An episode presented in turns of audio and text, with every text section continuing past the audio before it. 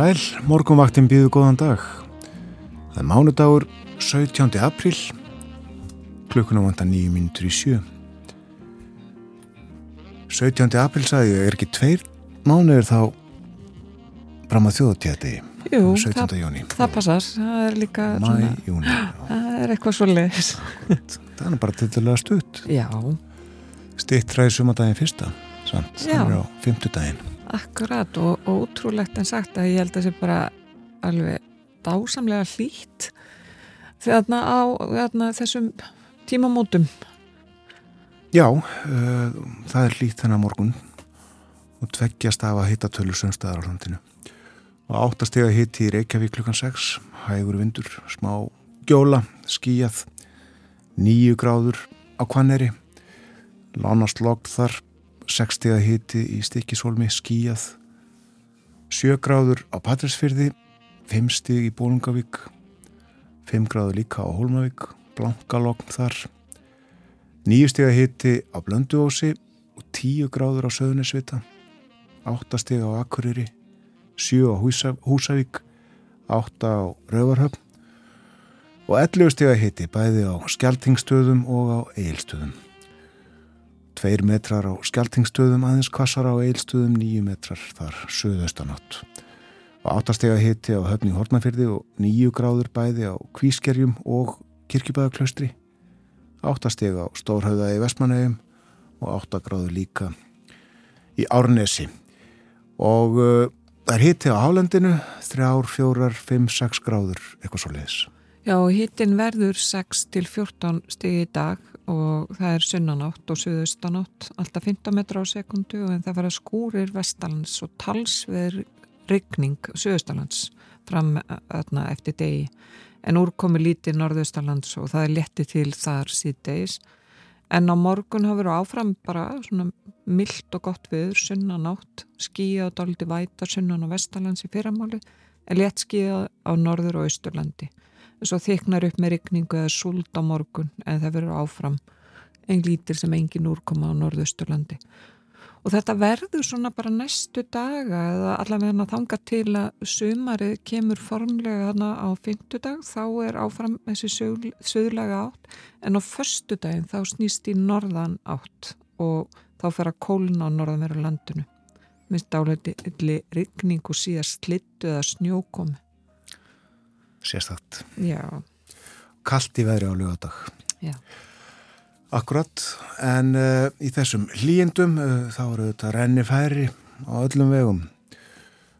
Sé hér á korti vegagerðarinnar að uh, það eru svo að segja allir vegir grænir.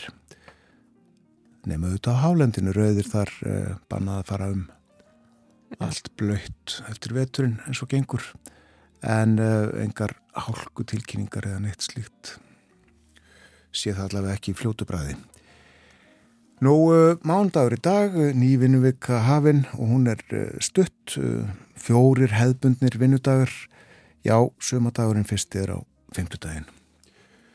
En uh, ímislegt á daskra hjá okkur sem við förum ítalega yfir eftir fréttinnar á eftir uh, nefni þó hér í fljóteitum að við ætlum að tala um verki og uh, meðferð við verkjum.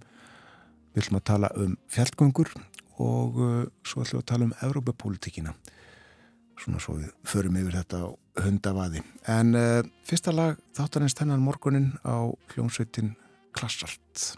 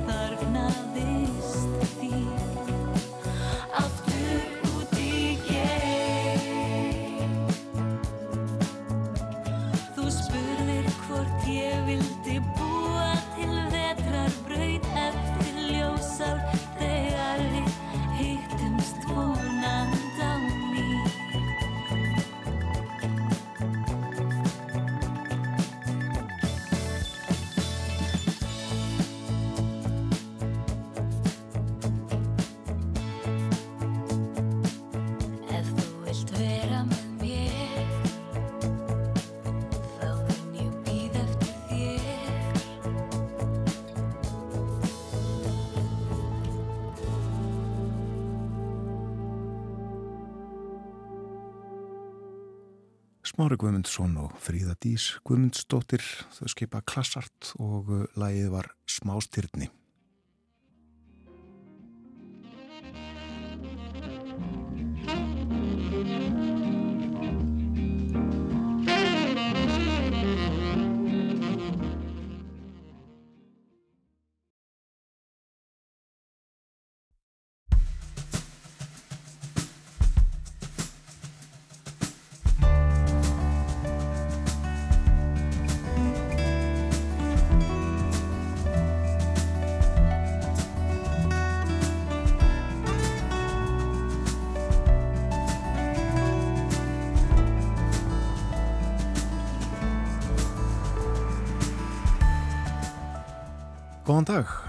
Morgunvaktin helsar, það er mánudagur 17. apríl, klukkan er umlega sjö, um sjónamenn þáttarins eru Björn Þó Sigbjörnsson og Guðrún Haldunadóttir.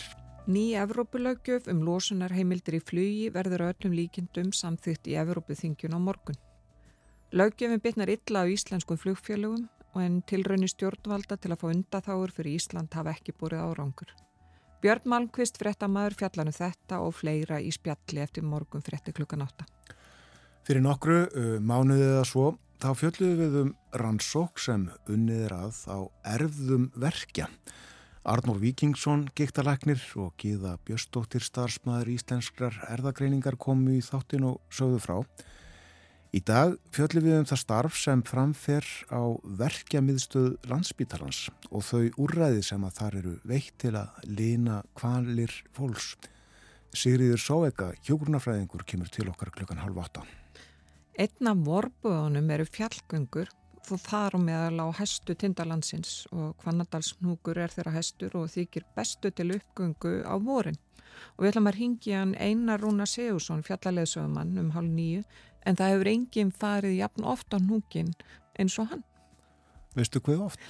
Ekki nákvæmlega, ég veit að hann hefur farið oftar en 319 sinnum. Hvað segir? Suðlagar áttir ríkja hér á landi næstu daga með rigningu eða súld, jafnvel þokulofti. Enda, eins og viðfræðingu segir í hugleðingum, hlýtt og rakt loft yfir landinu af suðrænum uppruna. Hins vegar verður ekki teljandi úrkoma á norðaustanverðurlandinu og alla líkur á að sólinn láti sjá sig þar nokkuð reglulega í vikunni. Eftir sömadaginn fyrsta, hann er á fymtudaginn, þá verðist ætla að koma smá bakslag hjá okkur þar sem kallt heimskauta loft ætlar að öllum líkindum að ná til okkar. Og eins og þetta lítur út núna er um skamvinna norðanátt að ræða og ekki mikil úrkoma sem henni fylgir en þá að myndast hæð yfir landinu um næstu helgi. Hins vegar má rekna með að hann fristi fyrir norðan og austan. Þetta ásansagt við um næstu helgi. En eh, hitin í dag og á morgun að 14 stigum. Þetta hljómar mjög vel. En eins og fyrir norðan, þeir eru nú kannski bara á, sáttir við það að kólni aftur í, eins og í hlýðafjalli, að því að nú byrja Andres Andalegarnir held ég á miðugudag eða 15. morgun, ég maður ekki hvernig það er alltaf tengt suma deginu fyrsta. Líf og fjör í hlýðafjalli næstu daga. Og það var líka líf og fjör á bókasöfnum Reykjavíkuborgarum helgina þegar hundraðara ámælinu var fagnað og hér á fórsíðu morgunbladsins uh, má sjá Guðnatjá Jóhannesson fósetta lesa fyrir krakka í uh, safninu í Úlfarsárdal, uh, nýjasta safni borgarbókasafsins. Hann heimsótti það um helgina og teki vel á mótunum bæði af borgastjóra starfsfólki safsins og íbúum hverfisins og Guðni las úr bláa nettinum eftir Andra Snæ Andri vildi nú verða fósetti 2016 líka eins og, eins og uh, Guðni. En uh, krakkarinn hefðu eflust gaman að þessu og það er fjallað uh, um borgarbókarsafnið í morgunblæðinu í dag og rætt við Pálinu Magnúsdóttur borgarbókar vörð meðal hannas. Nú það er fjallað líka um riðumál í húnaþingi vestra. En riða hefur greinst á tveimur bæjum þar og rætt hér við Sigriði Óláfsdóttur, hún er bóndi í Víðidalstungu, hún er líka ráðunautur hjá ráðgjafa miðstöðu landbúnaðarins og situr í sveitastjórninni og hún segir um leið og uppkemur síking í söðfjörvarna veiki hólfi þá fá allir nútímaðan. Nú, uh, svo er sagt frá því að uh, fósvarsmenn fyrirtækis nokkurs, það heitir FF11 EHF Þeir hafa lagt fram kæru á hendur tveimur fyrirtækjum, fyrirtækjunum sem að áttu og ráku geimslur í miðrhaunni í Garðabæ. Það kom upp eldur í april 2018 og já, þeir hafa lagt fram kæru og telja að vörnum, brunavörnum hafi verið ábúta vand. Þetta var það svona helsta á fórsíðu morgublasir símislegt svo inn í blæðinu eins og gengur uh, meðal annars frakt frá uh, því að landhelgis Gessland stóð uh, nost skip að veiðum á bannsvæði. Að fjallaði um þetta. Og uh, svo er sagt hérna frá uh, aðtúasendum eða umsögn sem að uh, Átni Bragason landgræðslustjóri hefur sett fram við frumvarp um saminningu landgræðslunar og skóraktarinnar og það hefur verið gengið út á því að þessi stofnun verði nefnd land og skóur. Átn er ekki par sáttur við þá tillögu og uh, leggur til nýjar, vil frekar að stofnun fái heitið land og líf, stofnun landgæða eða folt. Sjáum hvernig þetta fer alls saman. En uh, í fréttunum hér áðan þá uh, heyrðum við af uh, kjaraviðræðum í Noregi sem hafi ekki gengið vel. Nei, það er einmitt svona kjaraviðræður og verkvall. Það er svona það sem maður sér helst í evróskum fréttum þannan morgunin. Einmitt í Noregi það eru kjaraviðræður og verkvall hjá ferju, á ferjunum þar. Í Svíþjóð þá hafður það lestarsamgöngur í Lamassessi í Stokkólmi út af verkvallum og þar er nú fylst grant með því en fjármálar á þar en hún er að fara yfir uh, vor fjárlögi núna á bladamannafundi og segir að þau verði nú svona hefðbundnari í ár heldur þau hafa verið undarfærin ár og það er náttúrulega vísar hún til COVID fjárlaga eins og allir kannast við. Mm. Verðbólgan er mikil í Svíðþjóð og þó þrátt fyrir að hún hefði dreyið úr henni núna í mars en þá er hún samt sem aðra yfir 10% en hún var 12% í februar og í Danmörku þá er hins vegar verið náttúrulega aðal fréttin um að Filippa 13 ára komil stúlka, blabur og stúlka hún fannst á lífi og hún er komin heim og mikil gleði eðlilega meðal fólks yfir því. En og það er líka á fórsíðu pólitíkan það er mynd af leit, frá leitinni að henni gær en e, einnig e, fjallaði hérna í fréttu um stöðu eldra fólks á vinnumarkaði og uh, hjá óbyrri starfsmenn eftir svona fyndugt þá eiga, eru þeir í meiri á hættu að missa vinnuna heldur en þeir sem eru yngri ef það kemur til uppsagna. En í breskublöðunum þá er það einhvern tvent sem er í fréttum það eru verkvall hjúkurnafræðinga og óta, þar er óttast að þau geti bara uh, já, ennst fram að jólum jafnvel en, en hjókunarfræðingar þær í landi hafa búið til verkvallan frá 30. april til annars mæ svona skyndi verkvalla á nýju eftir að það var feldur kjærasamningurinn eða tilbúið sem við fengum frá ríkinu. Og svo er líka talsvert fjallað um það sem uh, ummæli Rísi Súnak fórsetisráð þeirra um að hvað, starffræði kunnotta breyta sér léleg og það verði að bara gefa ívarðandi starffræði kennslu þar í landi og bóðar að það verði starffræði kennsla verið gerða skildu til 18 ára aldust vegna þess að breytar, fullátni breytar séu bara ófærir um að leggja saman og draga frá. Hvað segir þú? og þetta er, þetta er svona, það er ímislegt í þessu. Já, þá er ekki nóg að kenna krökkunum, það þarf að setja bara alla í endumöntun. Það er eitthvað svo leiðis.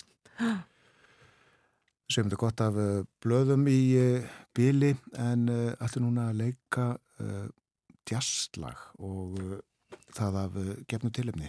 Já, það var greint frá því í morgun að að Ahmad Jamal væri látin, jazzpionisti og tónskáld, hann var 92 og lest á heimili sinu í gær en hann var svona hetja margra þekktustu jazztónlistamanna sem komu og eftir. Skulum heyra læg eftir hann Ahmad Blues.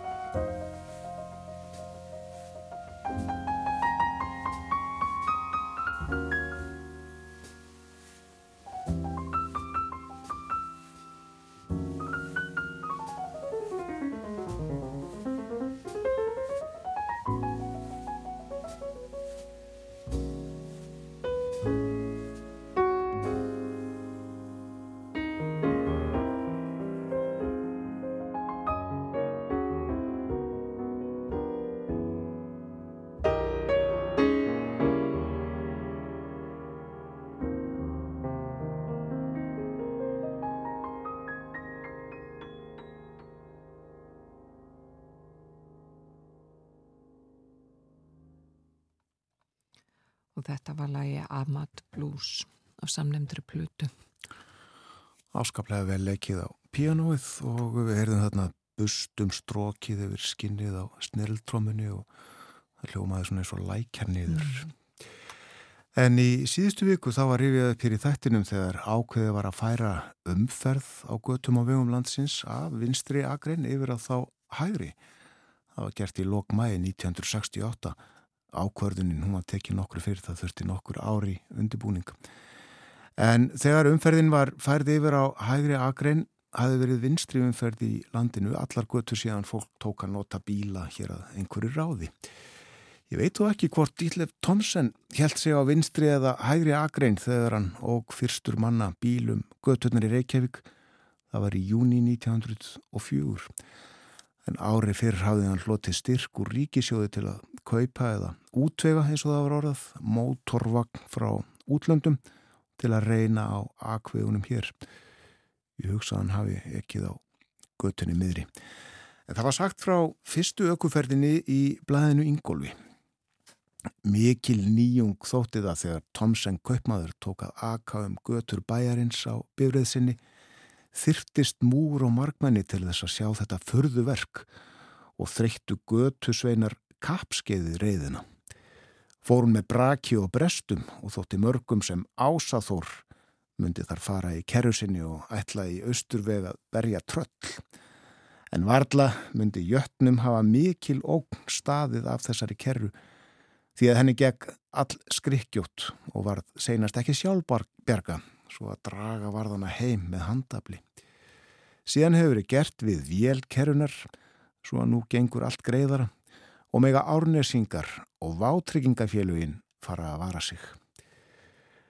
Og nokkrum dögum síðar saði í öðru bladi Mótorvagn hefur Thomsen konsul kift til að reyna hversu slík aktól gefist á vegum vorum Vagninum var verið að koma í lag og reyfa hér um strætin fyrstu daga eftir að postskip kom og voru margir gleiðir yfir því að hann var alltaf að stansa, gátt ekki hugsa sér að það þyrti ofurlittla reynslu og æfingu til að fara með hann. Við erum ókum hér um dægin í honum upp fyrir ellið ár við fjórðamann og heim aftur. Gekk ferðin vel í alla staði. Vagnin getur farið alltaf 5-6 danskar mílur á klukkustund ég held að það séu um það byrj 30 kílometrar eitthvað svo leiðis en veginnir eru hér yllir og allt of mjóir. Þá er lestum linnir. Ætlar herra Tomsen að aka austur að þjórsárbrú og verður það góð reynsla? Já, Tomsen ætlaði sér að aka austur að þjórsárbrú þau áform breyttust lítilega áfangastadur fyrir austanfjall varð Eirabakki og nú var konsullin og kaupmaðurinn ekki undir stýri heldur Þorkjell Klemens. Og ári eftir aukuferðina löngu þá skrifaði hann grein um bíla eða bifriðar í einriðina. Á árunum upp úr 1900 var ímist talað um mótorvagn eða bifrið orðið bíl sínist mér fyrst hafa byrsta prenti 1912. Grein Þorkjells var um bíla almennt og er mjög áhugaverð en hann fjallaði líka um bíl Tomsens og bíltúrin til Erabakka og saðist hafa búist við að það yrði sér til talsverðrar gleði að akabifriðinni en stór urðu vombriðin er til kom skrifaði Þorkell Klemens. Bílinn reyndist algjörlega ómögulegur.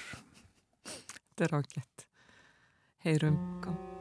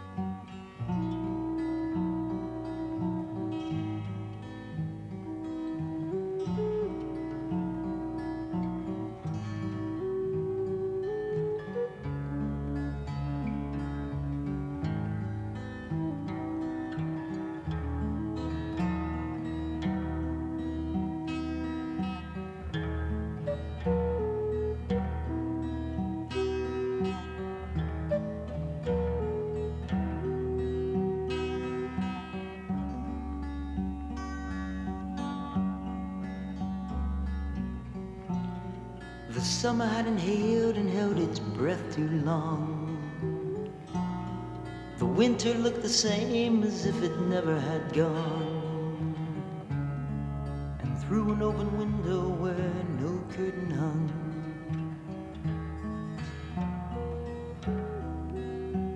I saw you. I saw you coming back to me.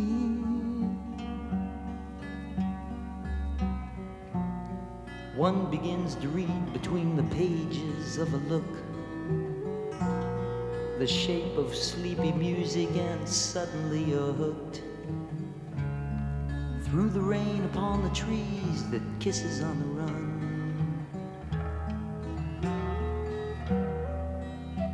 I saw you. I saw you coming back to me.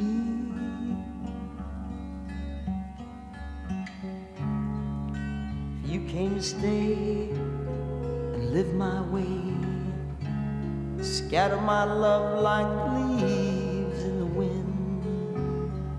You always say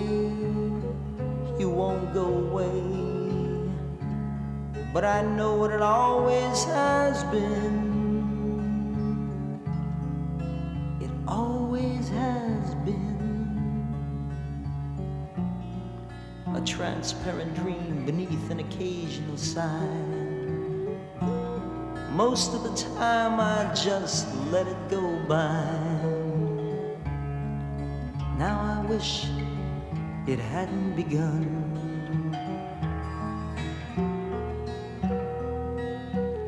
Saw you.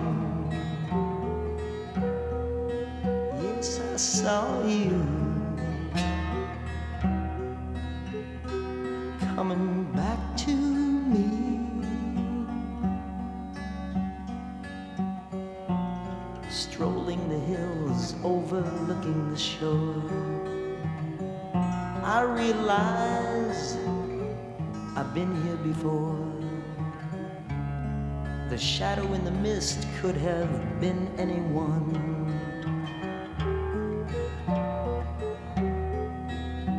I saw you. I saw you coming back to me. Small things like reasons are put in a jar. Whatever happened to wishes wished on a star? Was it just something that I made up for fun?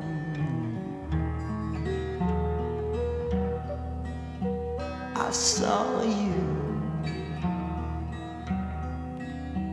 I saw you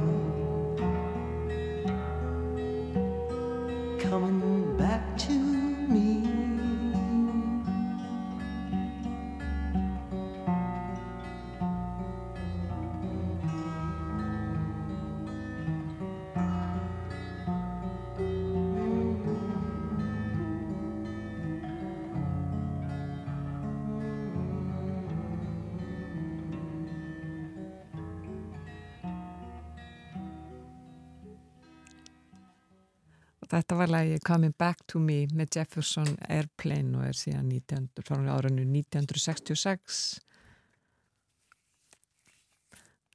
Þannig að, já, verða 57 ára, það var tekið upp 1. november 1966 þetta lag. Klukkan er alveg að verða hálf átta og það líður að fréttaði liti hjá okkur. Við hefum fyrst auglýsingar. Allt með hefðbundum hætti hér á morgunvaktinni þennan morgunin. Eftir fréttaeflitið verður Sigriður Sóvaka hjá okkur. Hún er hjúknarfræðingur og uh, vinnur á verkjamiðstöð landsbítalans. Já, við ætlum að fjallarsvöldið um verki. Takk upp þráðinn frá því fyrir um mánuði þegar við fjöldluðum um rannsók sem nú stendur yfir á erfðum verkja. Við ætlum að vita hvaða ráðu kunna á verkjamiðstöðinu til að lina þjáningar fólk sem að þanga leitar Tíðindi úr Európu til umfjöldunar hér eftir morgun fréttunar klukkan átta. Björn Malkvist fréttamaður sem jefnan er í Brussel verður með okkur en uh, að þessu sinni er hann statur í Strasbourg. Og uh, svo ætlum við að uh, fjalla með fjallgöngur millir hálf nýju og nýju. Við ætlum að spyrja hvað getum við gert næstu vikur ef okkur langar að ganga á Kvanadalsnjúk segjum um miðan mæ. Já, hvort og hvað þú þarf að æfa þig mikið. Hvort segir þú njúkur eða núkur, Björn? Njúkur held ég. Já. Það er jóð hjá mér. En það heit ég Björn.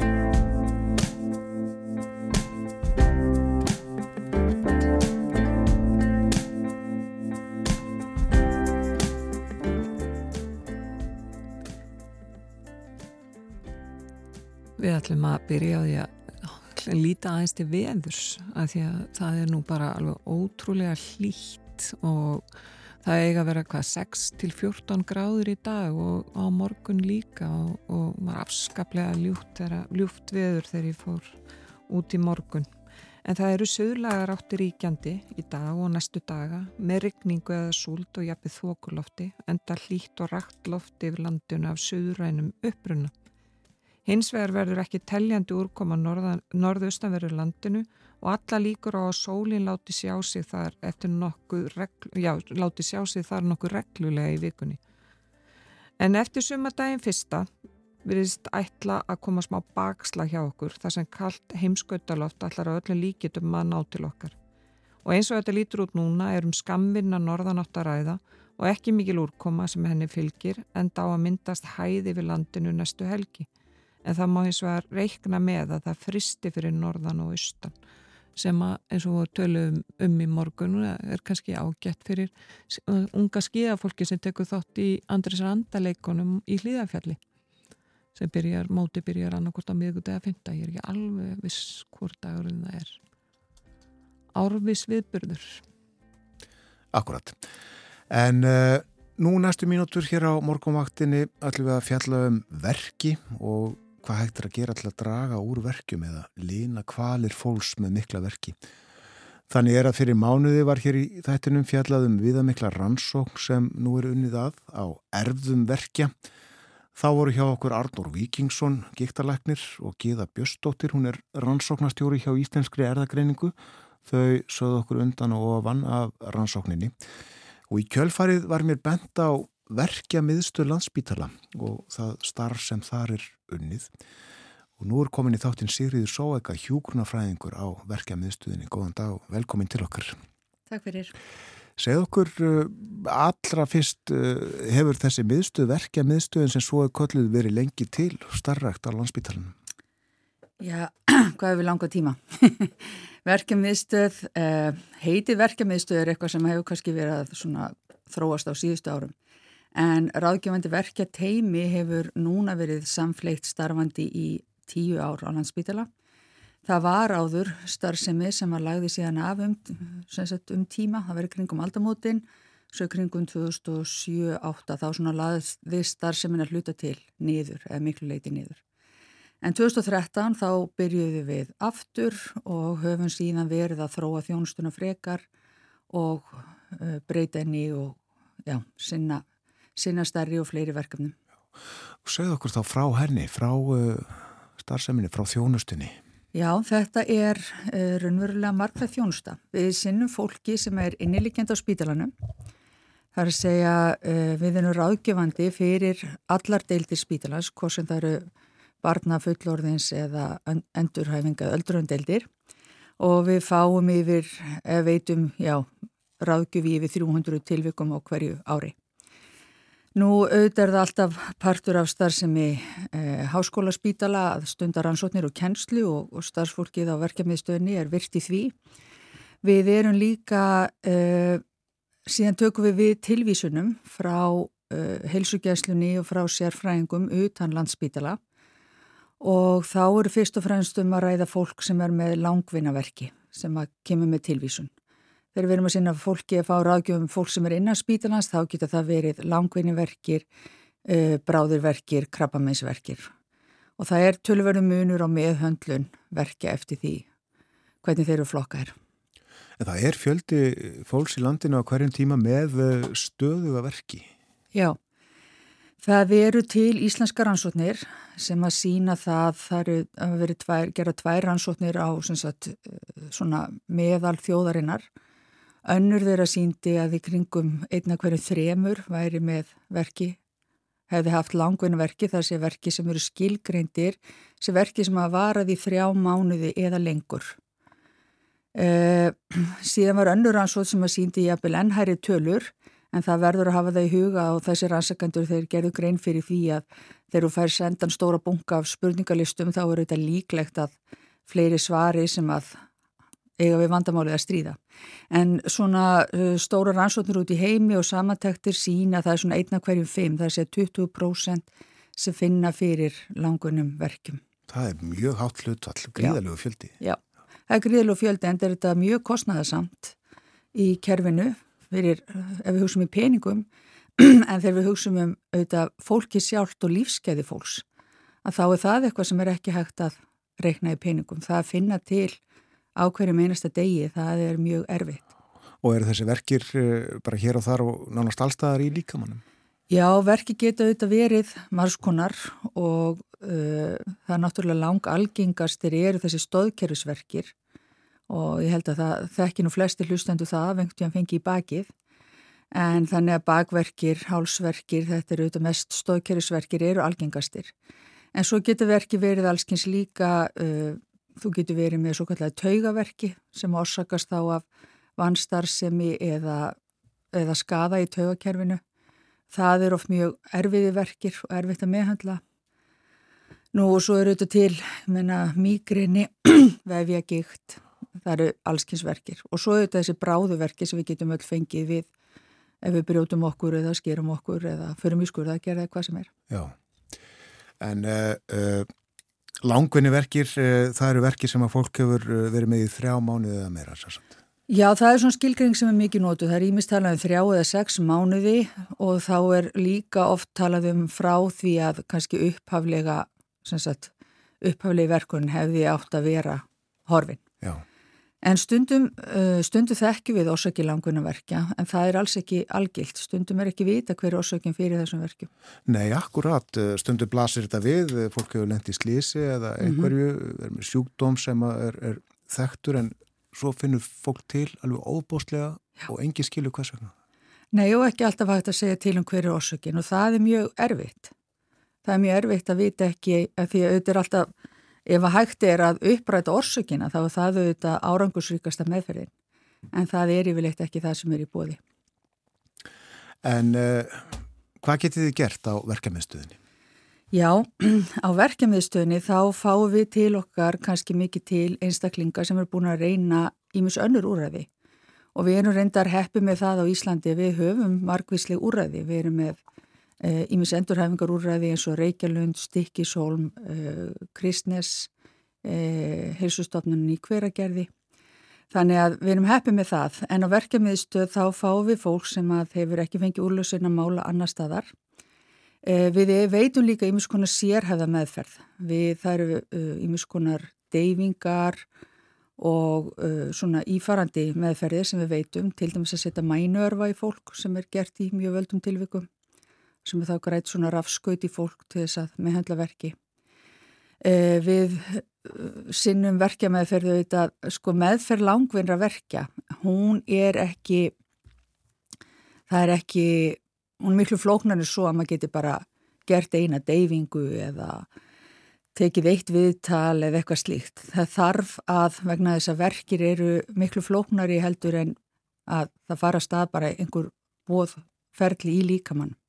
Það hefur áhrif á tilfinningar og hvernig við hugsaum, þetta hefur áhrif á minni, þannig við þurfum að vinna mjög heilstætt með langvinnaverki. Og þannig við reynum að, og til dæmis sálfræði meðferð er mjög uh, ríkur þáttur í meðferð langvinnaverkja það sem er verið að hjálpa fólki til að, að finna leiðir til þess að e, takast á við að lifa með langvinnuverkjum. Það er verið að nota hugræna atveitlismeðferð, það er líka að verið að nota með þess sem heitir Acceptance Commitment Therapy sem að, að notu er við langvinnuverkjum. E, mjög mikill partur af meðferðinni fer líka í það að veita fólki stuðning, hlusta á það, tala við að hjálpa því að finna leiðir Eh, hvernig það getur tekist á við verkina í sínu daglega lífi. Þannig að þetta þarf að vera heilstætt til sem að árangur í. Já. Já, þú ert að segja að uh, í, í einhverjum tilvikum að uh, þá verði fólk bara að gera svo vel að lifa með þessu. Sko það má segja að langunni verki sé að mörgu leiti eins og, uh, og það eru reynda komnar fyrir nokkrum áru síðan að þá voru langunni verki skilgreindir inn í flokkunarkerfi sjúkdóma. Þannig að það er hægt að fá greininguna langvinni verkir eins og hverja aðra sjúkdómsgreiningu. Og það er ekki alltaf sem að hægt er að sagt, lækna fólk af langvinni verkjum.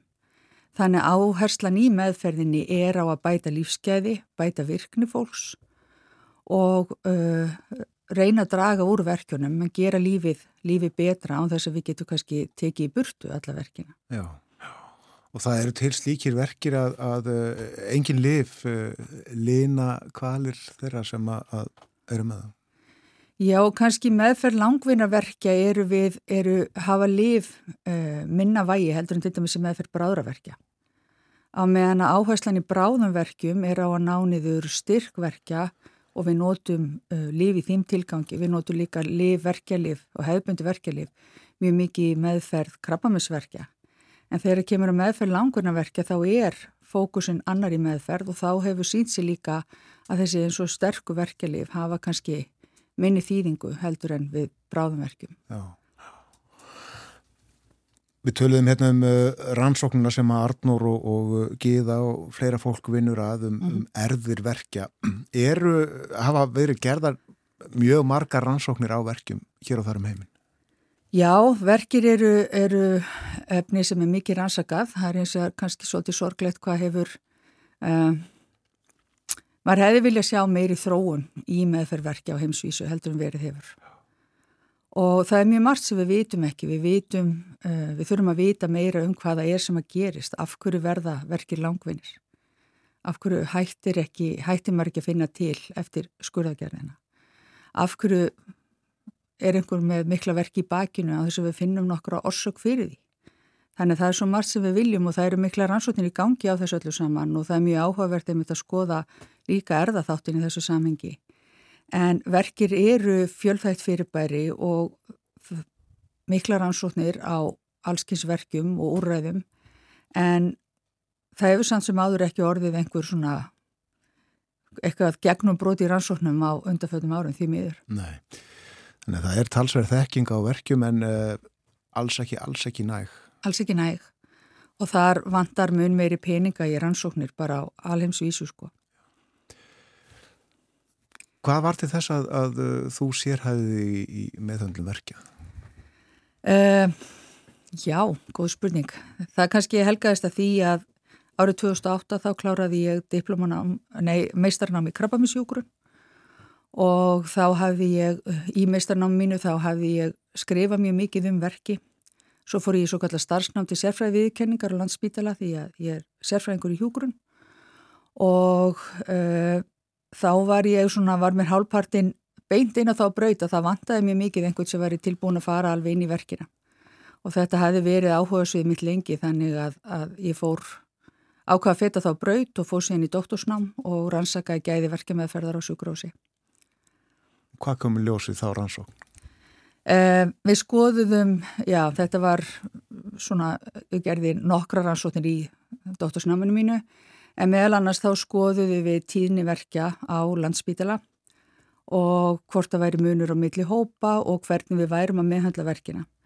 Og svo rannsóknar hún síndi það að við erum bara mjög svipum stað og aðrir háskólaspítalar á Vesturlöndum, hvað var það tíðniverkja en 83% sjúklinga hafði haft verki síðastlegin sólaring þegar að við fórum inn og spurðum fólkið og það er bara í taktu það sem er sérst annar staðar en það sem var kannski aðtiklisvert var að við sáum það ef að fólk hafi fengið að vera virkir þáttækandur í meðfersinni eða semst upplýðu það sjálfur að þá hafður upplifa bæði að fá betri verkjastillingu og þeir voru skemi með mikla verki heldur en aðrir.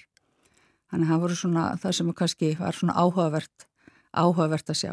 Já og uh, allt fólk getur uh, fengið mikla verki sami hvernig formið það er aldrei eða hvaða nú er.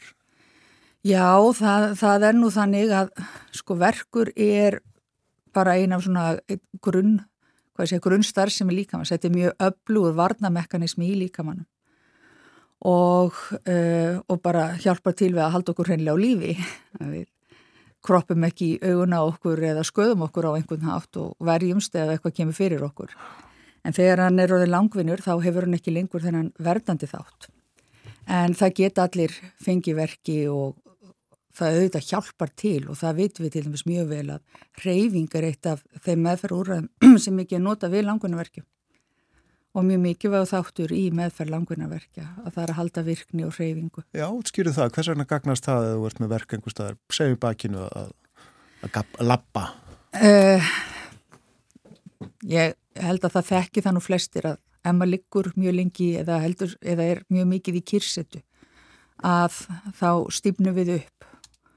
En þegar við reyfum okkur að þá bæði, sem sagt, já, virkju við líkamann við reyfing, hún fær okkur til að líða betur bæði líkamlega og andlega.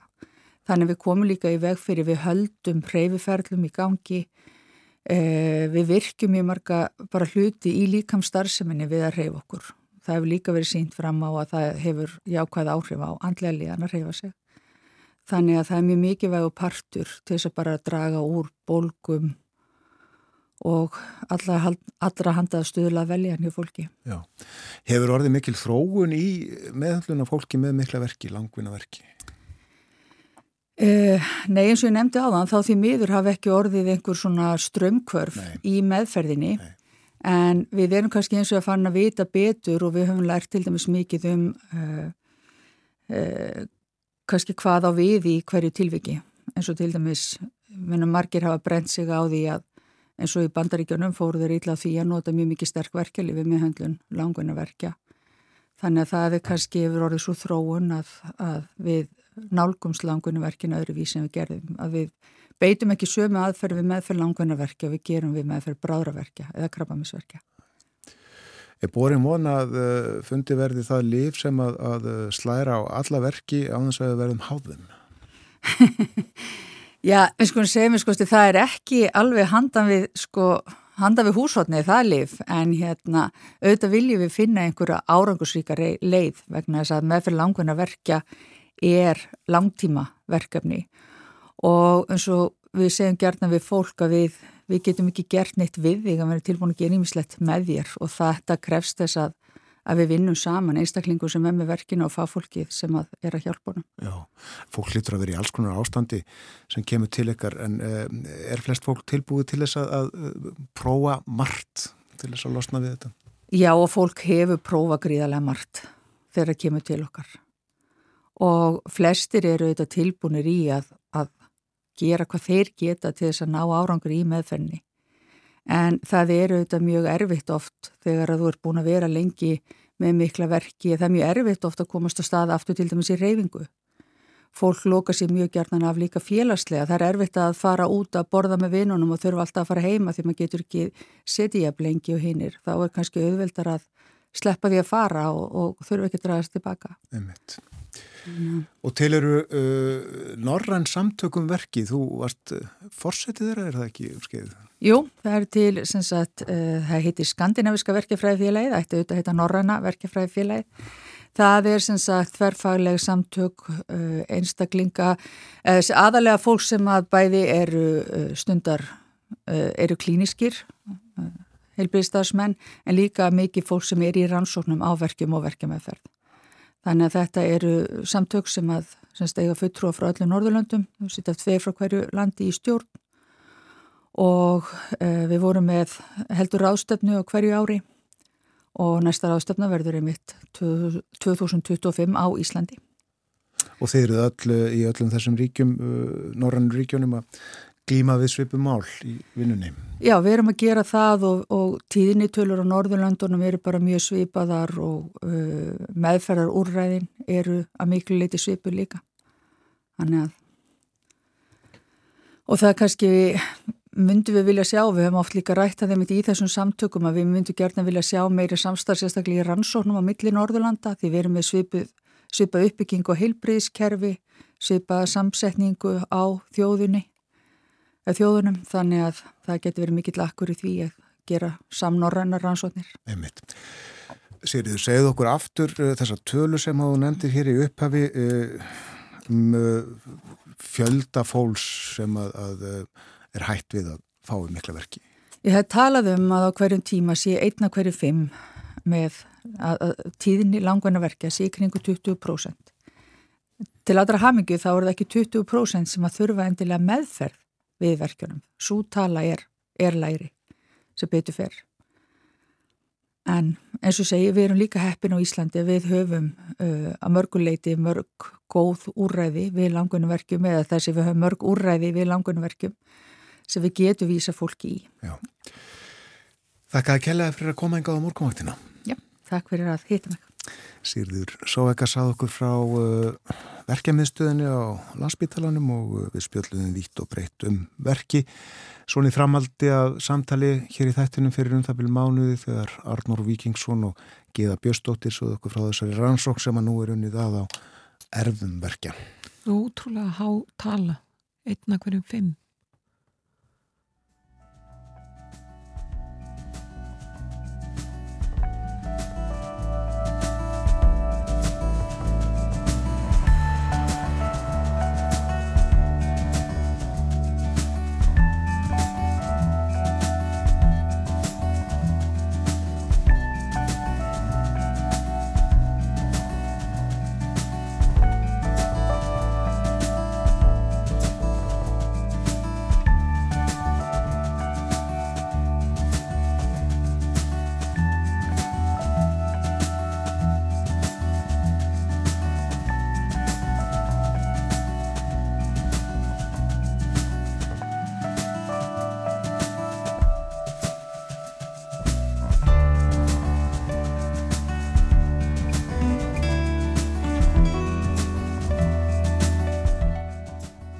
Sigriður Sóveka farin í vinnuna, símatími á verkefniðstöðinni í dag. Það er löng eftir að koma stað. Já, einmitt. Það er bara löng byð verist vera allstaðar. Maður sér ekkert að það er mjög á samfélagsmiðlum og í samt, samtölum við fólk. Það er allir að býða. Byðlistar í helbiðiskerfinu. Já. En uh, fréttirnar eru framöndan hjá okkur koma eftir rúma 6 mínútur. Eftir fréttir verður Björn Malmqvist með okkur fréttamaður útarsins í Brussel. Ekki statur þar í dag, heldur í Strasborg þar sem Evrópuþingið fundar núna í vikunni. Og uh, svo minn ég á uh, gönguna á Kvanadalsnjúk sem við förum í milli hálf nýju og nýju. Já, við ætlum að ringi Einar Rúnar Sigursson sem að reggur fyrirtæki öræfaferðir á samt eiginkonu sinni í Röfasveit. Aðeins að uh, veðrinu sjöstiga hitti í Reykjavík akkurat núna og uh, sama hittastig í Kaupanahöfn, Ósló og Stokkólmi. Það er sjöstiga hitti í, í höfuborgum fjögura Norðurlanda. Öklýra í Helsingi, áttastega hitti þar. En hlýjast í þórsöfna þessum borgum nýju gráður Já. og fer í tíu þegar best lætur í dag. Það er eins og að frost í núk. Og það er sko, klukkan er bara miklu, miklu meira á, í hinnum höfuborgunum. Það því að nú er klukkan að verða tíu í Kaupmannöfn og Stokkólmi og er hún ekki að verða 11 í Helsingi, ég held það. Mikið veit. kannski verður bara hlýjast í Reykjavík í dag af norrænu höfuborgunum. Það er útlitt fyrir það. En uh, eins og áður sæði fréttir komaðir eftir smá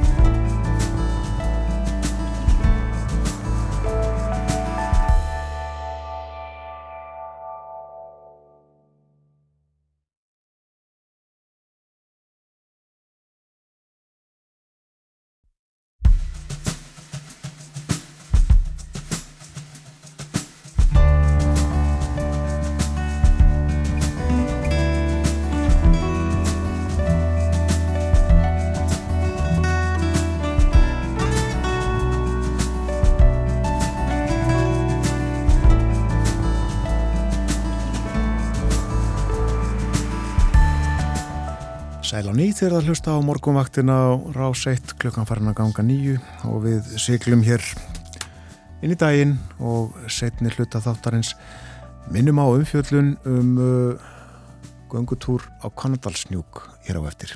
Göngutúr, er nú kannski ekki rétt á orði til þess að nota yfir er ferða á Kanadalsnjúk það er aðeins meirinn að segja það uh, fara upp alla hvað, 2100 og nýju er... metrana Já, Já, lækkaði hérna fyrir uh, nokkrum já árum þegar hann var mældur að ný. En meira en það á eftir. Uh, Evrópumál til umfjöllunar hér næstu mínútur. Við erum komin í samband við Björn Malmqvist, fréttamann okkar í Brussel og hann er jafnan með okkur á mándagsmórnum og segir okkur tíðindi frá uh, Evrópustofnununum öllum. En Björn ekki í Brussel í dag heldur í Strasborg. Heil og sæl og góðan dag. Góðan daginn. Og þú auðvitað ekki að ástæðuleysu í Strasborg í Fraklandi.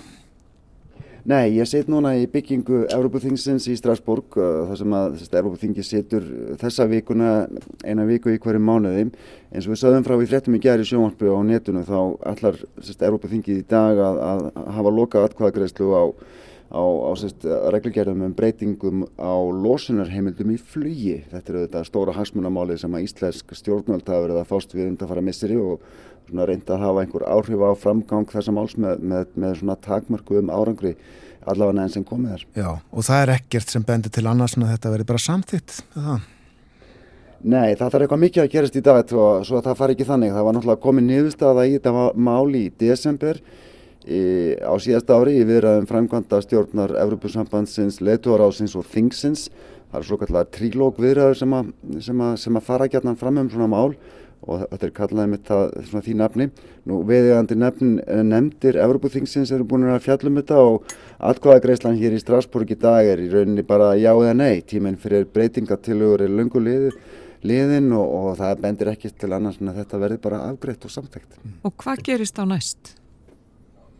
Já sko eftir að Evrópaþingið er búið að afgreiða fyrir sitt leiti þá tekur leiðtóðaráðu þetta fyrir, það er að segja ráþæraráðu í Brussel og það verður líklega skert í næsta mánuði á fundi umhverjus og loftlagsráþæra sem sagt aðeldiríkina 27 sem að svo afgriðsla er rauninni líka formsatrið, það er náttúrulega búið að ganga frá þessum máli, svo, svo eru lögin byrt, svona rétt eins og við byrtum lögin í stjórnatíðendum og þau eiga að taka kildu um næstu áramót. En það sem að gerist eftir að lögin eru byrt, vantarlega í mæ, líklegast í júni, eh, svona, já, nokkra vikur í það, eh, og, og það ferli sem, sem, sem fer þá í gang og er, og er reyndar að sko, einhverju leiti hafið, er að þá hefst náttúrulega svona aðlögunarferli gagvart samningnum um európska efnaðasveiði og, og, síst, og gagvart íslensku laga umhverfi, af því að þessar reglur gilda auðvitað heim eins og annar staðar á innri markanum. Nú, Íslensk stjórnvöld þau hafa sett saman starfsóp til þess að fara í þessar aðlugunar viðræður En þau hafa líka sagt að þau muni ekki taka þessar reglur upp óbreytar. Þórdís uh, Kolbrún, uh, sérst utaríkisráður, að sagði það bara síðast í, í útvarpinu í, í, í sko gær.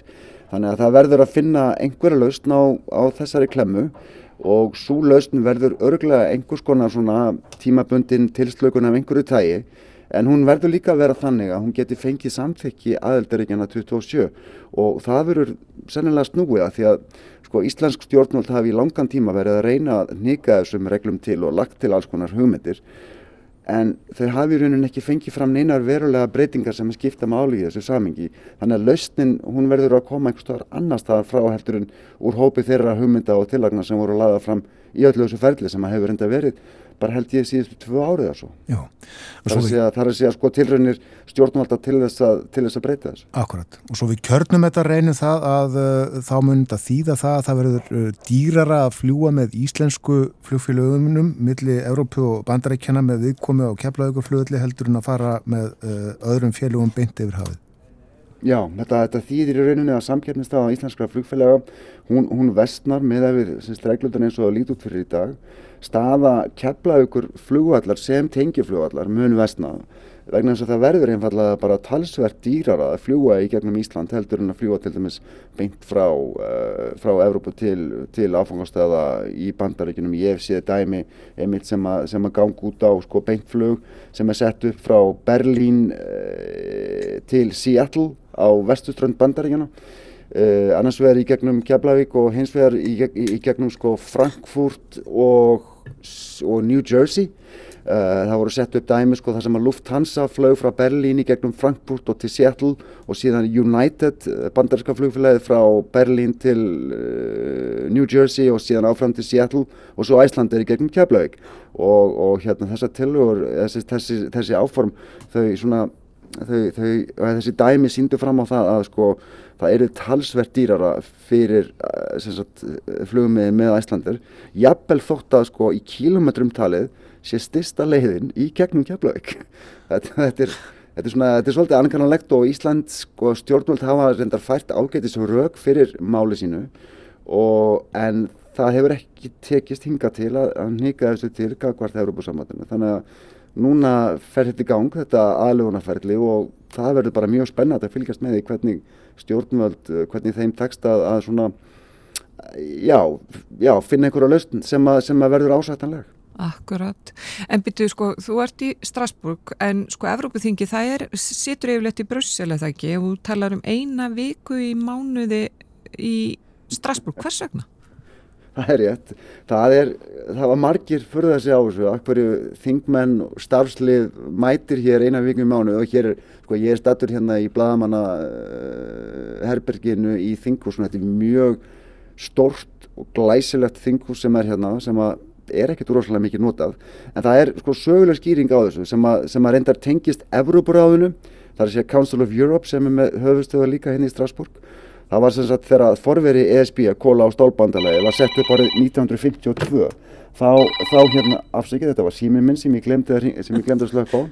Það var, þá var sem sagt já þegar kóla á stálbandalagi var sett upp 52 þá bauð Evrópuráðu sem var stofnað nokkur árum áður upp á sín húsakinni hér í borginni og, og uh, í stopnun sem var síðan að Európa-þinginu það er að segja, það er að segja sko að, að hérna sko að hérna sérst Európa-ráði bauð upp á, upp, upp á fundi fyrir, fyrir svona stopnun sem var hérna forverið þingsins. Uh, síðan sko Európa-þingið og staðsetning þess og svona, svona formlegt heimilið þess er í Strasbourg. Það var ákveðið árið 1992 í Maastricht sáttmálunum sem er grunnurinn að Európa-sambandinu í núverandi mynd að sérst formlegt heimili þingsins sé hérna í Strasbourg. Þannig að hérna eru þingfundir eina viki mánuði annars í Brussel eru þingfundir og það eru líka nefndir þingsins starfandi og nálaðin við framkvæmtastjórnina og leðtóraði í Brussel. Svona gerir það líka verkum að megin þungin í starfseminni sko þingsins er þar það hafa reyndar ítrekkað heilstir allir um að það ætti að leggja niður stafsminna hérna í, hérna í Strasbourg en þetta er bundið í, í Maastricht sáttmálanum og það þarf samþykja allra aðeldar ekki til að breyta því og ég held að frakkar muni seint fallast á það að leggja niður stafsemi þingsins hér í Strasbourg. Nei, og svo til að flækja þetta og ruggla þá er ekki sagt aðalskrifstofa Európu þingsins í Luxemburg. Jó, það er rétt og hérna, það eru, það langt flesti starfsmenni þingsins, þetta er, þetta er mjög einkennalegt fyrirkomulag og, og hérna mjög margir sem að furða sig á þessu. Þingi sjálft hefur mér sér lagt til þess að, að hérna starfseminni er öll flutti Brussel en, en þetta er eins og þetta er svona ríkja politík innan Európusambandsins og það hefur bara ekki gengið ennþá að breyta þessu. Maður er búið að leggja heimilega, það er búið að benda á að það geti þetta að setja spara sko nokkur hundru miljónir efra á ári við að, við að syns, hætta, hætta þessum flutningum. Ég meina hingað er að koma lest á ettir frá Brussel með nokkur hundur stafsmenn þingsins. Þingmenn eru allir að drífa hérna það er engan, þetta sko það var endur enginn komin hérna í morgun þegar ég mætti klukkan átta Nei. en það koma hérna allir á eftir og það verður fundur sem er hefst klukkan 5 í eftirmiddaginn og stendur til 10 í kvöld. Og eitt af málunum sem á einmitt að taka fyrir í dag í atkvæðagræslu er þetta að blessa það mál um, um, um, um, um, þessar losunarheimildir sem er hluti af sem er hluti af ástæðanum fyrir því að ég er statur hér. Akkurat, nefnum það líka að er ekki 700-800 mann sem að sitja á Európaþinginu það eru 705 þingmenn 705 sem að sitja þar. Já. og pluss náttúrulega starfsmenn og, og aðstofamenn og allt það sko. Það, það er mikill sirkus sem er að leiðinni í bæinn akkurat núna. Já, Evrópuþingið eh, er eitt, Evrópuráðið annað, Eh, það er í Strasborg, Eh, Ísland á aðild að Evrópuráðinu og fer með formensku núna eins og við höfum nú nefnt áður. Jú, og það eru þetta á fullu að undirbúa leðtúafund Evrópuráðs ríkjana sem að framfer í Reykjavík í næsta mánuði. Það er rétt, það eru hvað, 29 dagar í það að letóafundri verið haldin í Reykjavík og, og hérna, já, við erum búin að vera með formennskuna í þessu ráði undanfarnar fimm mánuði og vinna íslensku fastanemdarinnar hér hefur að miklu leiti farið í þennan undirbúning. Reynda, reynda líka í það sem að formennsku ríki gera alltaf hér í Strasbourg sem er, sem er að bjóða upp á menningaviðbörði í borginni af ímsu tægi, hinga komu íslenskir kokkar í februari við mannrétt, það hafa verið tónleikar og síningar og Ég kom inn í gæður og svo, þá sá ég einn á sporvögnunum í borginni fara fram hjá. Hann er með svona norðurljósa þema, mjög flottur. Já. Ég var enda sagt í gæður að borgarífuvelt hefði verið svo hrifin af vagninum að þau verið halda þessari hönnun á vagninum næstu, næstu misserinn. Þetta var svona Íslands kynning á vagninum sem sagt. Já, svona hluti af Íslandskynningu sem að, sem að, sem að tengist formennsku þegar, þegar ríkin eru með formennsku þá, þá eru þau með svona menningaprógram hérna í, í, í Strasbourg. En ég ætla sérst að heimsækja fastanemdina í Eruburðaðinu, taka stöðuna á undirbúningnum á leðtóafundinum sem er sá fyrsti sem að, sem að ráðið heldur í átján ár. Mér skilst að nálast allir leðtóa ríkjana 46 ætla að mæta. Þar á meðal mögulega Volodymyr Selenski, fósetti í Ukrænu, það er ekki útlokað að hann komi sjálfur til Reykjavíkur. Uh, þau voru náttúrulega 47 ríkin en rússar eru ekki lengur með, þeir voru settir út í massi fyrra. Uh, við ætlum að tala við Marju Búrik sem er framkvæmdastjóri Európaráðsins. Við ætlum líka að tala við Ragnhildi Arljótsdóttir sendiherra sem að fer fyrir fastanemdini hér og við verðum með fréttir af þessu síðar í vikunni. Já. Akkurat hefur frólægt að fylgjast með því. En hvað er svona annað að frétta frá Evrópu? Það er ýmislegt eins og venjulega. Uh, Emmanuel Macron fórseti Fraklands verður með sjónvarsræðu í kvöld þar sem er búist við að hann reynir svona að, læ, að læja öldur óanægu og mótmæla uh, í Fraklandi síðustu vikur og mánuði út af mjög umdeltum breytingum á eftirljónakerfinu sem við höfum fjallað rækilega um. Þetta eru lögin sem að færa eftirljóna aldur upp í 65 ár árið 2031 ef ég mann rétt. Uh, þau voru svona að stærstu leiti staðfæst af stjórnskipunar domstóli Freklandi fyrir helgi og fósittin skrifaði undir þau á laugadaginn. Þetta er ekki beint upp áskrift fyrir sættir í frönsku þjóðfélagi. Það eru búin að vera viðtak, mótmæli og verkvall og halda líkindum áfram. Stjórnaranstaðan hefur til að mynda hvart fólk til að mæta í kröfugöngur 1. mæ. Við sjáum til hvað fósittin segir í kvöld en ég held að hann svona komi með sína greiningu á ástandinu og svona hveti fólk til þess að já, sætti þessi við þetta og hérna svona auka samljóm og, og samvinnu í fransku samfélagi. Það er ekki beint, hefur, það hefur ekki beint engjent franskt samfélagi undan farnar vikur. Nei, akkurat.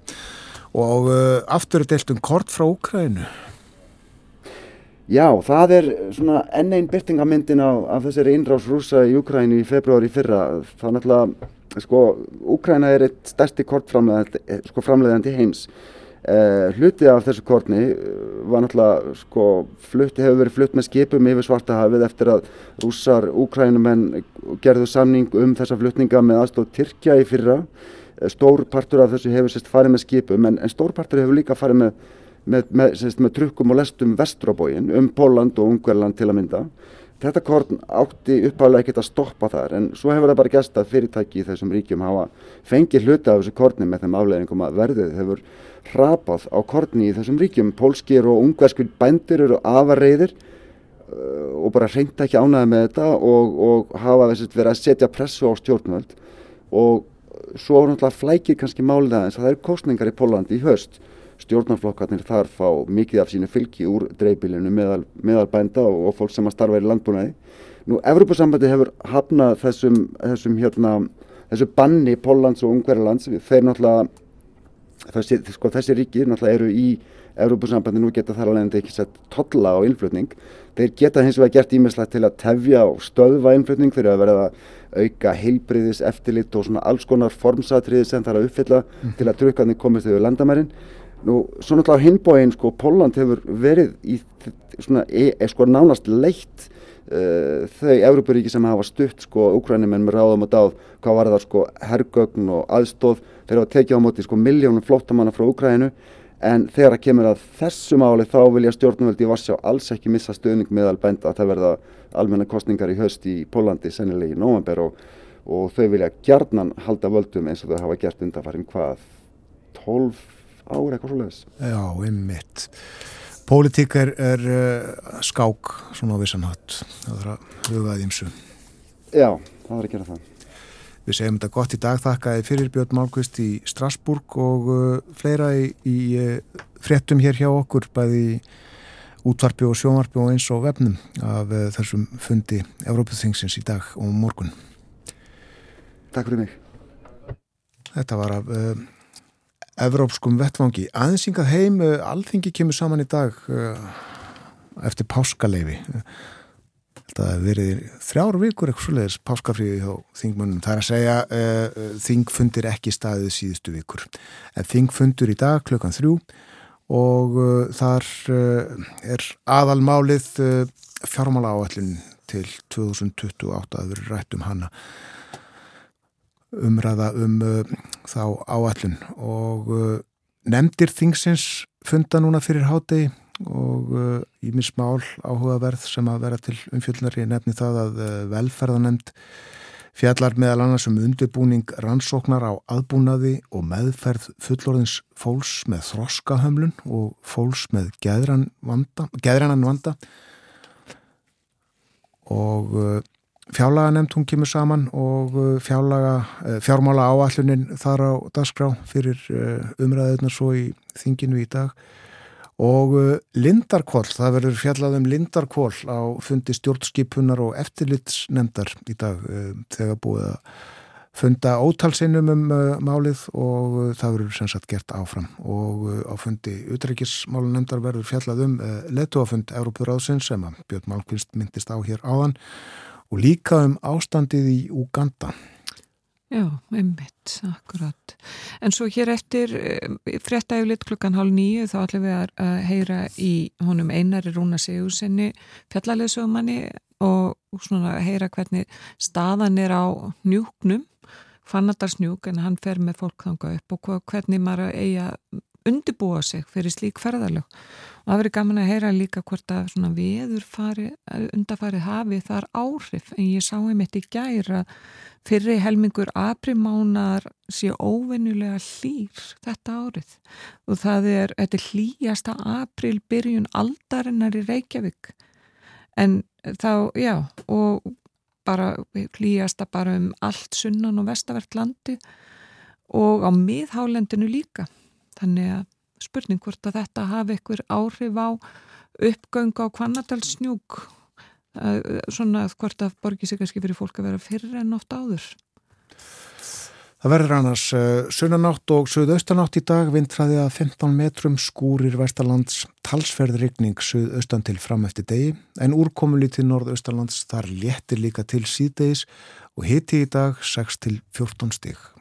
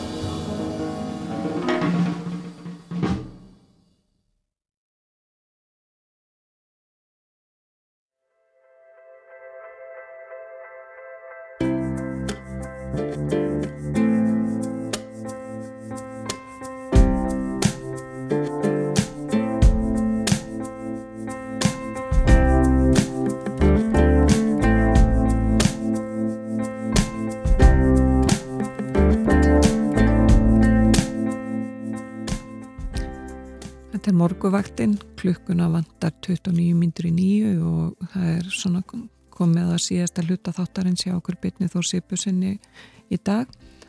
Og við ætlum að heyra í vunum fjallamanni af því að það er eitt af því sem fylgir vorinu að fólk verður að reyma á sig gönguskóna og æða á fjöll hvort sem að það er gangandi eða hlaupandi eða hjólandi jafnvel. Og Einar Rúna Sigursson hann býr í Hofsnes í Öræfum og reykur þar fyrirtæki sitt Öræfaferðir á samt eigikonu sinni Matildi Unni Þorsteinsdóttur. Og þau bjóða meðal annars upp á ferðir upp á Kvandalsnúk Góðan daginn einar. Já, góð daginn. Jæja, hvernig viðrar hjá þér fyrir njúkin? Heyrðu, ég er fegin að vera ekki bókaður í dag allavega því að það er bara súld og regning og skikninni svona um kílometr hérna niðri og öruglega bara tíu metrar á nöppi. Ekki mjög spennandi. Nei, nei, það er ágætt. Þetta, þetta, hérna, þetta, er, þetta er svona að byrja vertiðin. Við erum í næstu viku svona síðan byrja til dæs fyrsta ferð hjá mér og eru svona okkar svona í vor fram á svona fram til mæ. Já, þetta er, er ekki alveg greiðlegu fjöldi fólk sem að fer á Kvannadalsnúka hverju ári? Jú, jú, jú, það eru, það eru, ég er svo sem enga tölfræði yfir það en mér finnst það kannski ekki verið svona eins risastórir hópar og, og, og svona ímislegt í gangi eins og var kannski fyrir 20 eða svona 15 árum. En, en þetta, það er alltaf þeir sem eru búin að fara og fengu ekki nóg gott viður og þú veist þetta er stór hópur sem alltaf verður að reyna á núkinn og, og þetta kemur alltaf nýkynslu og En hjá mér er þetta svo sem uh, að því er býrun reynda bara upp á fjallaskiðaferði, það er nú meira bara erlendir, erlendir hérna viðskiptavinnir sem ég er að fara með.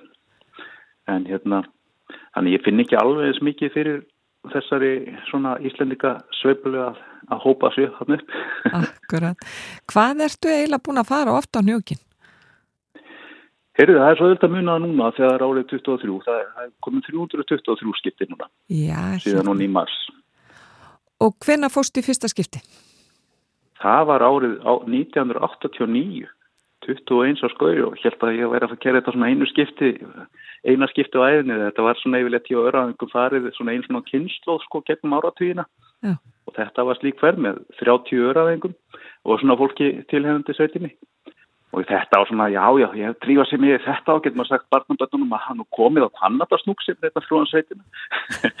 en það fór aðeins öðru í sig. Já, þú erum búin að fara 322 svar síðan. Já. en, en sko ferðir einmitt á Hvannadalsnúk, hvenar var farið fyrst á njúkin? Sko fyrsta ferðin sem er staðfest og heimildir fyrir á sjálfan toppin á Hvannadalsnúk er langaði minn, Pall Jónsson í Svínahalli, árið 1891 og hann var að fylgja breskum ferðamanni Fredrik W. Howell sem að hérna var bara langaði bara að komast á hæsta topp landsins og það var reynda miskilingu lengi að nappurinn, vesturinn nappur sem er hérna svona söð-austamein á Örajökul skiknum sko væri raunni hæstur og, og hérna þeir fóru fyrst upp á hann en sáu það hann að núkurinn hann bar mun hærra yfir þegar voru hann komið upp á hæsta toppin að, að því haldi var.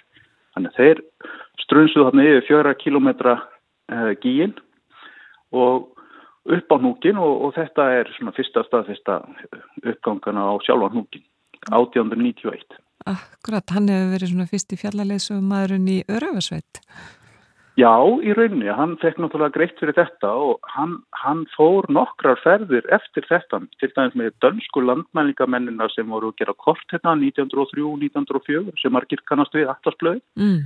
Þannig að langaði hann hérna, hann fekk verkefni út á þetta að, að þekka leiðin hann út. Þannig að hann er rauninni fætt greitt fyrir að, að leiði segja konandarsnúk strax um 1900 sko.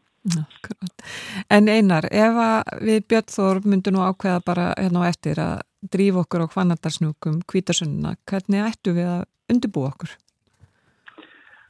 Já, það er í rauninni góð spurning að því að, hérna, að þetta er í hug núna í loka april og ætla að fara ef þeir eru bara búin að sitja við, við hljóðnefman í alla vetur.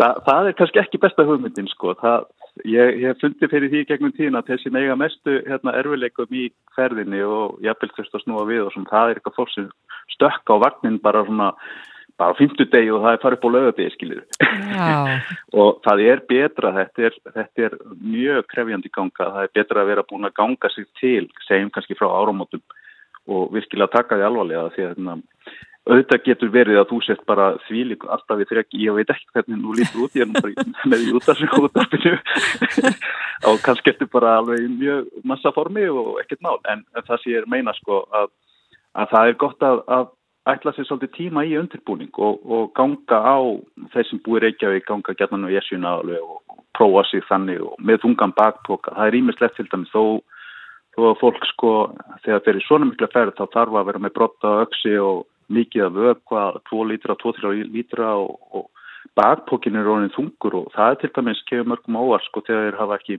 farið í svona alvarlega ferð á þau, hvað er erfitt að bera þungan bakpóka í 12-14 tíma, þú veist, e, þannig að það er ímest, það er betra að, byrja eins og læri fjöllum og, og, og ganga sér til og, og undirbúa sig. Akkurat, ég heyrði mitt eitthvað tíma við mig að þú getur farið á jesjuna tvísvar á þess að stoppa á milli að þá væri þér óhætt að leggja í ferð á kvandarsnúk. Já, ég reyndar, ég ekki verið svo fræður að komast á topp essinu, ég reyndi einu sinni, ég komst bara halva leið. en, en hérna, en ég, ég veit heyri og, og veit að það er mikið miða essinu og það er bara gott. En já, ég að þess að fá skýra út, ég, ég var að prófa kuna sem var einmitt óvis hvort hann kæmist á núkin og hann komst bara upp á steini og ég náði ekki að þetta tilfelli sem ég reyndi að fara essinu, ég svona og við ákvaðum að við erum ekki að fá hann á hnúkin þarna með hófnum Já, það væri ég, kannski... ég, hefði, ég hefði komist ég, ég, það er ekki svo erfitt að ganga þessum ég held ég hefði nátt hefði ég verið eitt sko. Já, það er gott að vita það.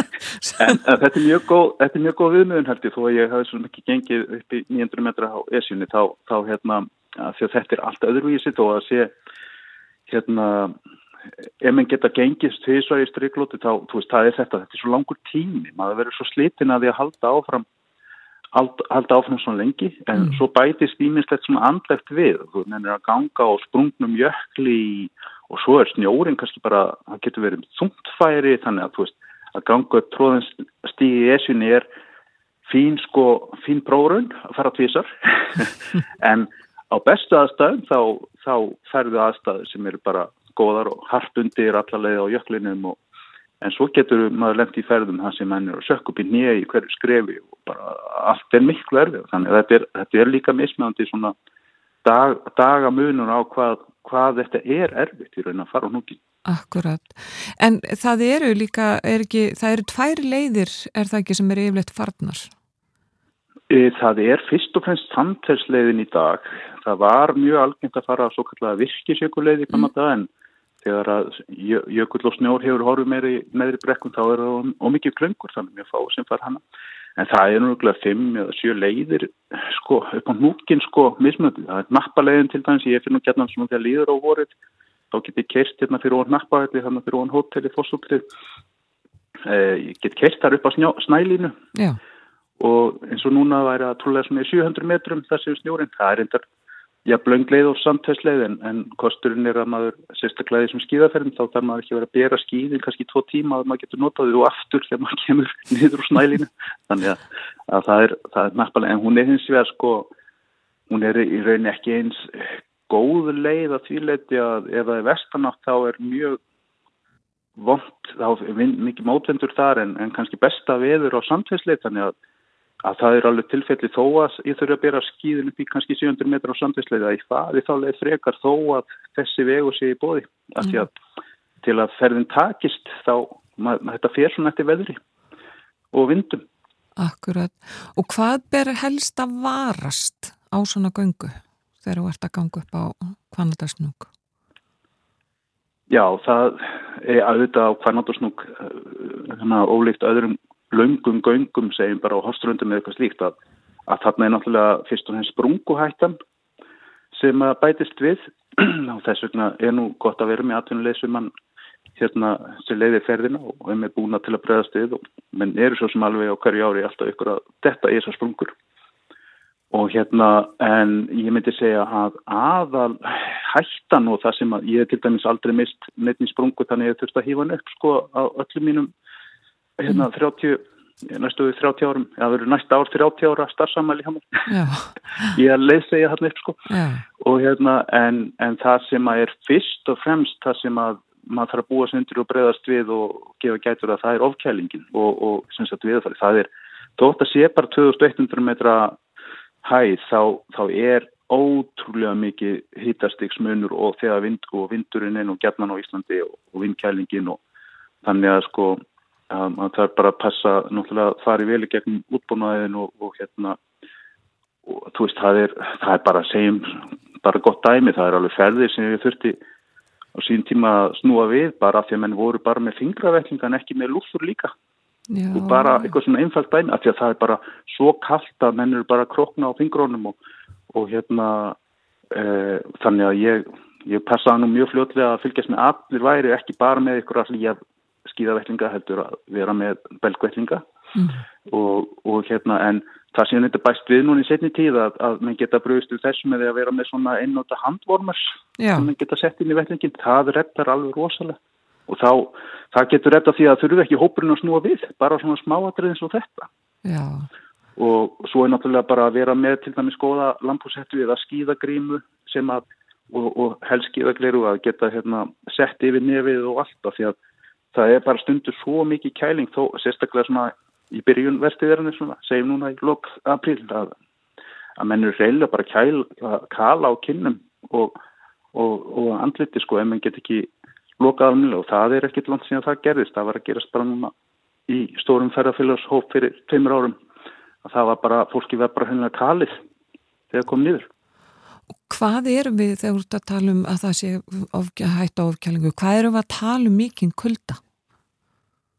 Það er sko, það, ég held að tölfæl er sko uh, að meðatali þá lækkar hýtagráðan um 0,6 fyrir hverja 100 metrar sem hækkar, það er svona meðatal. Mm.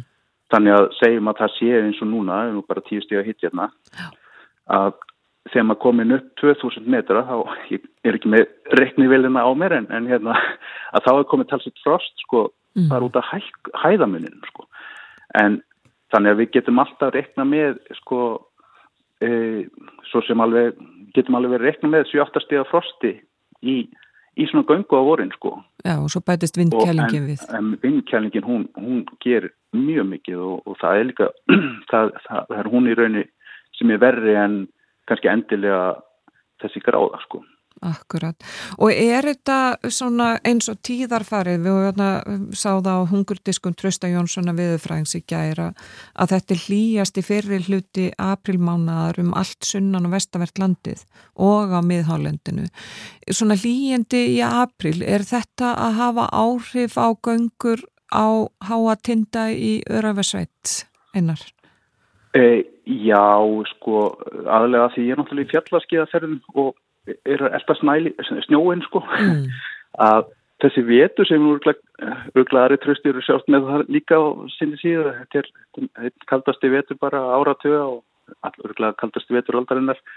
Og hérna eh, hann hefur ekki skila með miklum snjó til dæmis í læ- lægri fjöllum, það snjóar alveg geislega mikið upp á hnúk og, og þar uppi núna og í þessu hlýja, nú er bara snjókoma þar í þess að það er súltíma niður til dæmis út af þessu hæðamun og, og, og hittastiks breytingu.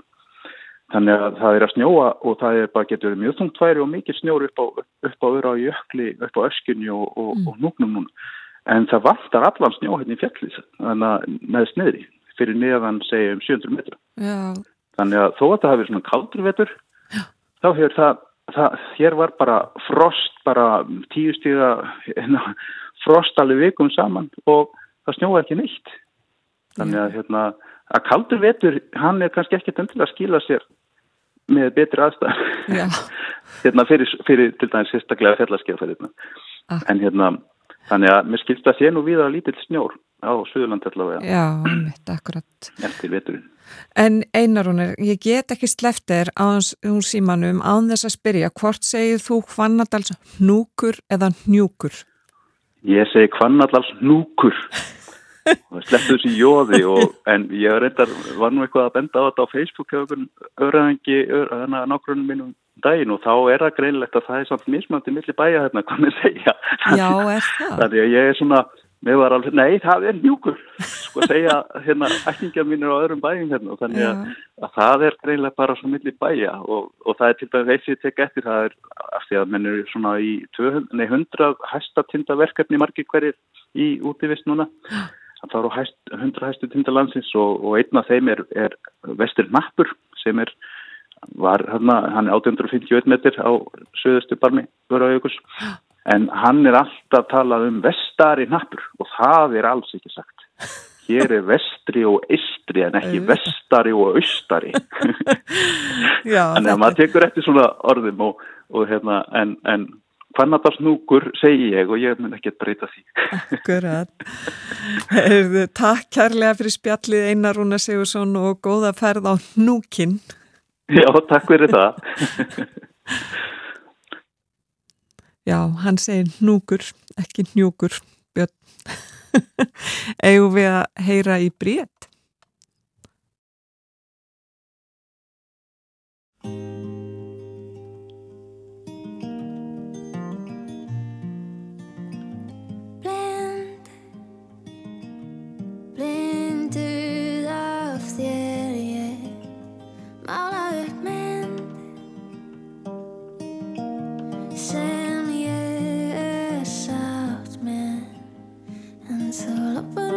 Skambussi og dregur án á slirinu og miðarinn á allir kring.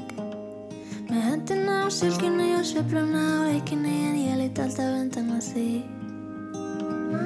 Brosið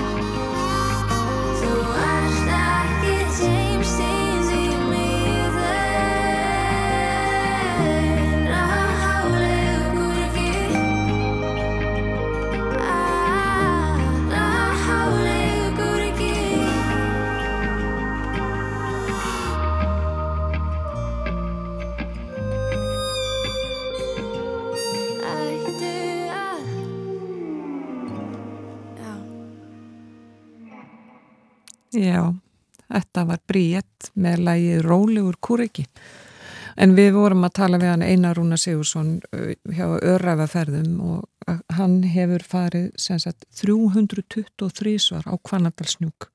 Núk. En ég hef aldrei farið á Kvanadalsnúk. Og maður þarf greinilega að undibúa sig vel fyrir slíkt ferðaleg. En ef við ekki bara heyri Bruce Springsteen næst með lægið í Angel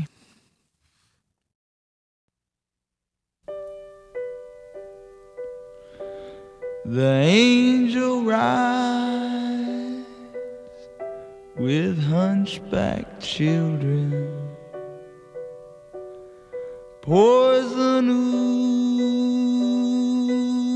oozing from his engine, wielding love as a lethal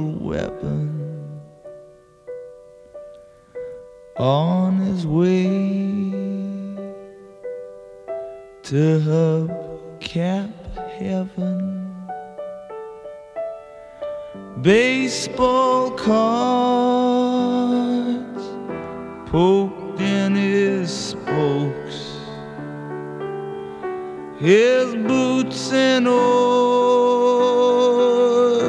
he's patiently the roadside attendant nervously jokes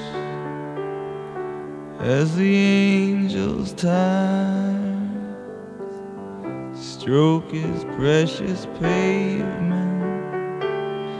Well, the interstate's choked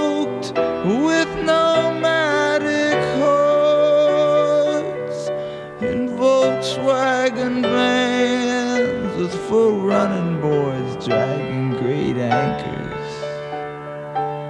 Follow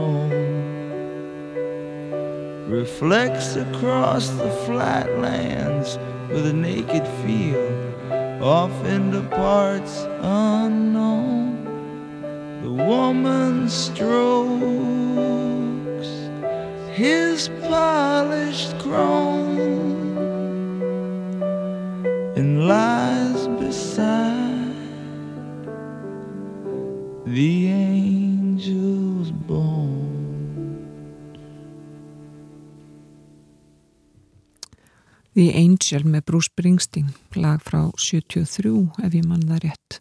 En hann er einmitt á tónleikaferðalagi og ferðast bæðum allamennum bandaríkin og Evrópu á þessu ári. Duglegu maður, Bruce Springsteen eins og einar í Hósnesi Já, ég hugsa samt að Bruce Springsteen hef aldrei staðið á kvandarsnúki allaveg ekki 323 svar